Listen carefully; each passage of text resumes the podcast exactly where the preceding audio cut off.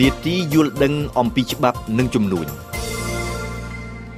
នៅក្នុងនេតិយល់ដឹងអំពីច្បាប់នៅថ្ងៃនេះសេងឌីណាសូមឆ្លើយនឹងសំណួររបស់អ្នកស្ដាប់ជំវិញនិមិត្តសញ្ញារក្សាសិទ្ធិ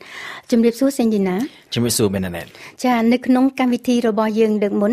ឌីណាធ្លាប់បានបញ្យល់ថាការដាក់និមិត្តសញ្ញារក្សាសិទ្ធិមិនមែនជាលក្ខខណ្ឌចាំបាច់ត្រូវតែធ្វើ ដើម្បីទទួលបានការរក្សាសិទ្ធិទេ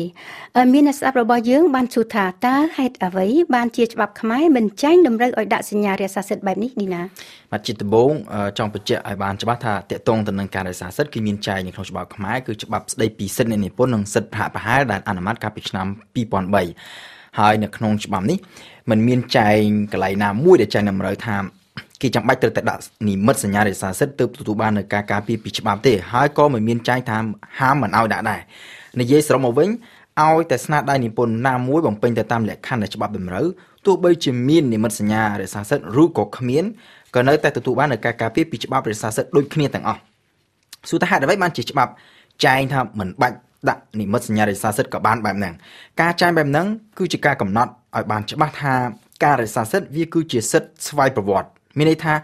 រាល់ស្នាដៃទាំងអស់ដែលត្រូវទទួលបាននៅការដែលត្រូវតែទទួលបាននៅការការពារពីច្បាប់ដោយមិនចាំបាច់ត្រូវបំពេញបែបបទអ្វីឬក៏ត្រូវចុះបញ្ជីអ្វីទាំងអស់ហើយត្រង់ចំណុចលក្ខណៈស្វ័យប្រវត្តិនៃសិទ្ធិរិសាសិទ្ធិនឹងគឺមានចែងច្បាស់នៅក្នុងមាត្រា38នៃច្បាប់ស្តីពីសិទ្ធិនិពន្ធនិងសិទ្ធិប្រហាក់ប្រហែលហើយ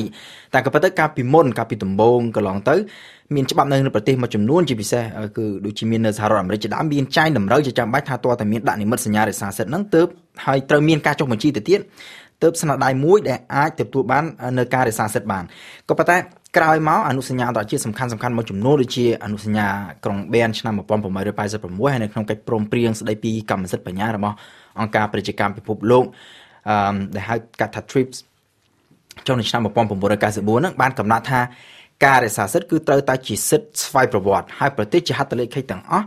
ត្រូវតែសម្របច្បាប់ជាតិរបស់ខ្លួនឲ្យត្រូវនឹងគោលការណ៍ហ្នឹងដោយមិនត្រូវចែកតម្រូវថាតើតែបំពេញបែបបទចុះបញ្ជីឬក៏ត្រូវដាក់និមិត្តសញ្ញារក្សាសិទ្ធិទើបទទួលបានការរក្សាសិទ្ធិទេ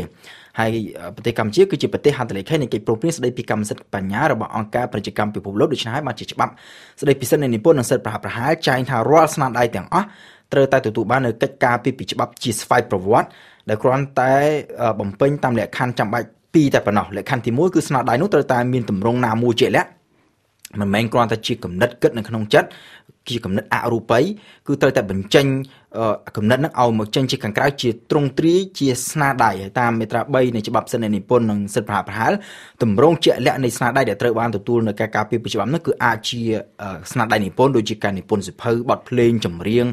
ការនិពន្ធប្រឡោមលោកឬក៏ភាពយន្តឬក៏ជាការសម្ដែង ការសម្ដែងរបាំការសម្ដែងការប្រគំតន្ត្រីឬ CA ជាដើមឬក៏ជាការផ្សាយជាសម្លេងជារូបភាពឬជាឯកសារតាមវិទ្យុឬក៏តាមទូរទស្សន៍ជាដើមឡា ស្នាដៃដែលចេញជារូបភាពទាំងអស់នឹងហើយដែលរដ្ឋថាជាស្នាដៃដែលត្រូវទទួលបាននៅការការពារពីច្បាប់នេះលក្ខខណ្ឌទី1លក្ខខណ្ឌទី2ស្នាដៃដែលចេញជារូបរាងនឹងមកហើយក៏ដោយដើម្បីឲ្យទទួលបាននៅការការពារដោយជាជាការរក្សាសិទ្ធិមានន័យថាការពារដោយសិទ្ធិនៃនិពន្ធ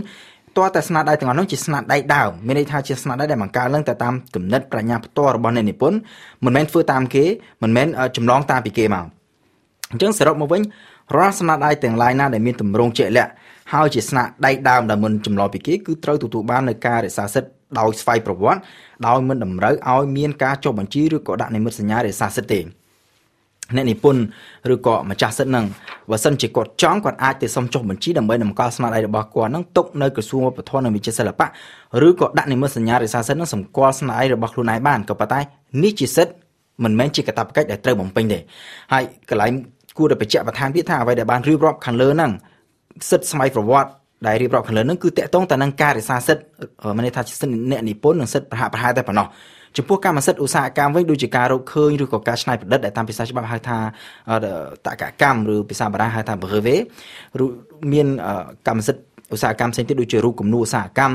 សញ្ញាពាណិជ្ជកម្មជាដើមគឺចាំបាច់ត្រូវតែមានការចុះបញ្ជីទើបទទួលបាននៅវិញ្ញាបនបត្រសម្គាល់ហើយអាចទទួលបាននៅការការពារពីច្បាប់ដោយពេញលេញបាន។ ហើយតាមច្បាប់ស្តីពីប្រកាសនីយបត្រកម្មវិញ្ញាបនបត្រ model មានអត្ថប្រយោជន៍និងគំនូរឧស្សាហកម្មដែលអនុម័តឆ្នាំ2002ការចុះបញ្ជីសុំប្រកាសសនីយបត្រកម្មឬ brevet នឹងត្រូវតែធ្វើនៅនាយកដ្ឋានទទួលបន្ទុកចុះបញ្ជីដែលស្ថិតនៅក្រោមក្រសួងឧស្សាហកម្មហើយប្រកាសនីយបត្រនឹងមានសុពលភាព20ឆ្នាំគិតពីថ្ងៃចុះបញ្ជីហើយដើម្បីរក្សាសុពលភាព20ឆ្នាំហ្នឹងម្ចាស់តកកម្ម ត្រូវបង់កម្រៃប្រចាំឆ្នាំជារៀងរាល់ឆ្នាំចាឌីណាចំពោះការរក្សាសិទ្ធិបើទោះជាច្បាប់មិនតម្រូវក៏ដោយប៉ុន្តែនៅក្នុងការអនុវត្តជាក់ស្ដែងតើការដាក់ឬមិនដាក់និមិត្តសញ្ញារក្សាសិទ្ធិអាចមានផលវិបាកអ្វីដែរឬទេបាទសម្រាប់ម្ចាស់ស្នាដៃការដាក់និមិត្តសញ្ញារក្សាសិទ្ធិនៅលើស្នាដៃរបស់ខ្លួនវាមានប្រយោជន៍ក្នុងការជូនដំណឹងដល់សាធារណជនថាស្នាដៃហ្នឹងគឺស្ថិតនៅក្រោមការរក្សាសិទ្ធិពីព្រោះថាមានស្នាដៃខ្លះវាមិនស្ថិតក្រោមការរក្សាសិទ្ធិឬក៏ផុតរយៈពេលក្នុងការរក្សាសិទ្ធិដូច្នេះបើសិនជាមិនដាក់និមិត្តសញ្ញារក្សាសិទ្ធិនឹងទេនៅពេលដែលមានវិវាទចុងចោតគេអាចយកចំណុចនេះមកឆ្លើយដោះសារការពារខ្លួនថាដោយសារអត់ឃើញមានសញ្ញាសញ្ញារក្សាសិទ្ធិក៏នឹកស្មានថាស្នាដៃហ្នឹងមិនមានរក្សាសិទ្ធិឬក៏ផុតរយៈពេលរក្សាសិទ្ធិដូច្នេះបើសិនជាដាក់ច្បាស់លាស់និមិត្តសញ្ញារក្សាសិទ្ធិនៅលើស្នាដៃមួយហ្នឹងអញ្ចឹងគេមិនអាចដោះសារថា អត់បានដឹងបានទេគឺត្រូវតែដឹងព្រោះថាមានសញ្ញារក្សាសិទ្ធិរួចទៅហើយហើយចំពោះការចុះបញ្ជីវិញក៏ដូចគ្នាដែរបើទោះបីជាច្បាប់មិនតម្រូវឲ្យធ្វើក៏ដោយការយកស្នាដៃទៅចុះបញ្ជីតម្កល់នៅស្ថាតម្កល់នៅស្ថាប័នមានសមត្ថកិច្ចវាមានប្រយោជន៍សម្រាប់ទុកជាភស្តុតាងបញ្ជាក់អំពីកម្មសិទ្ធិនៅលើស្នាដៃហ្នឹងថាស្នាដៃហ្នឹងគឺជាស្នាដៃរបស់ខ្ញុំអរគុណសេនឌីណា